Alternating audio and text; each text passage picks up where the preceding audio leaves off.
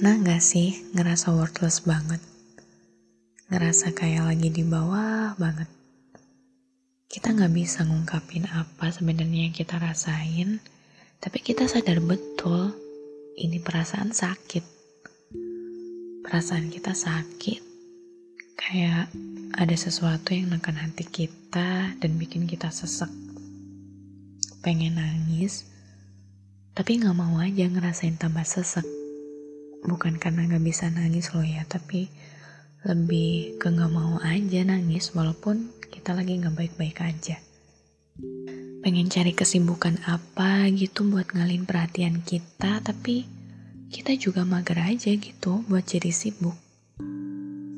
Pernah gak ngerasain gitu? Kalau pernah atau bahkan kamu lagi di fase ini sekarang aku cuma mau bilang apa-apa. It's okay to not be okay. It's okay kalau emang menurut kamu sekarang kamu butuh waktu kamu sendiri. It's okay kalau emang kamu sendiri gak tahu mau kamu apa.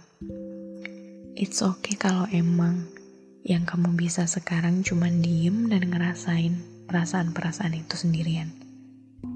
Kadang emang kita gak harus berbagi semua perasaan yang kita punya ke orang lain Walaupun mereka yang selalu ada buat kita, udah selalu ada di sana buat nerima apa pun dan bagaimanapun patah hati kita.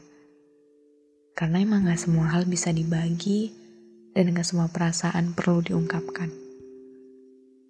Kadang merasakan patah hati sendirian bukan berarti kita kesepian dan gak punya siapa-siapa.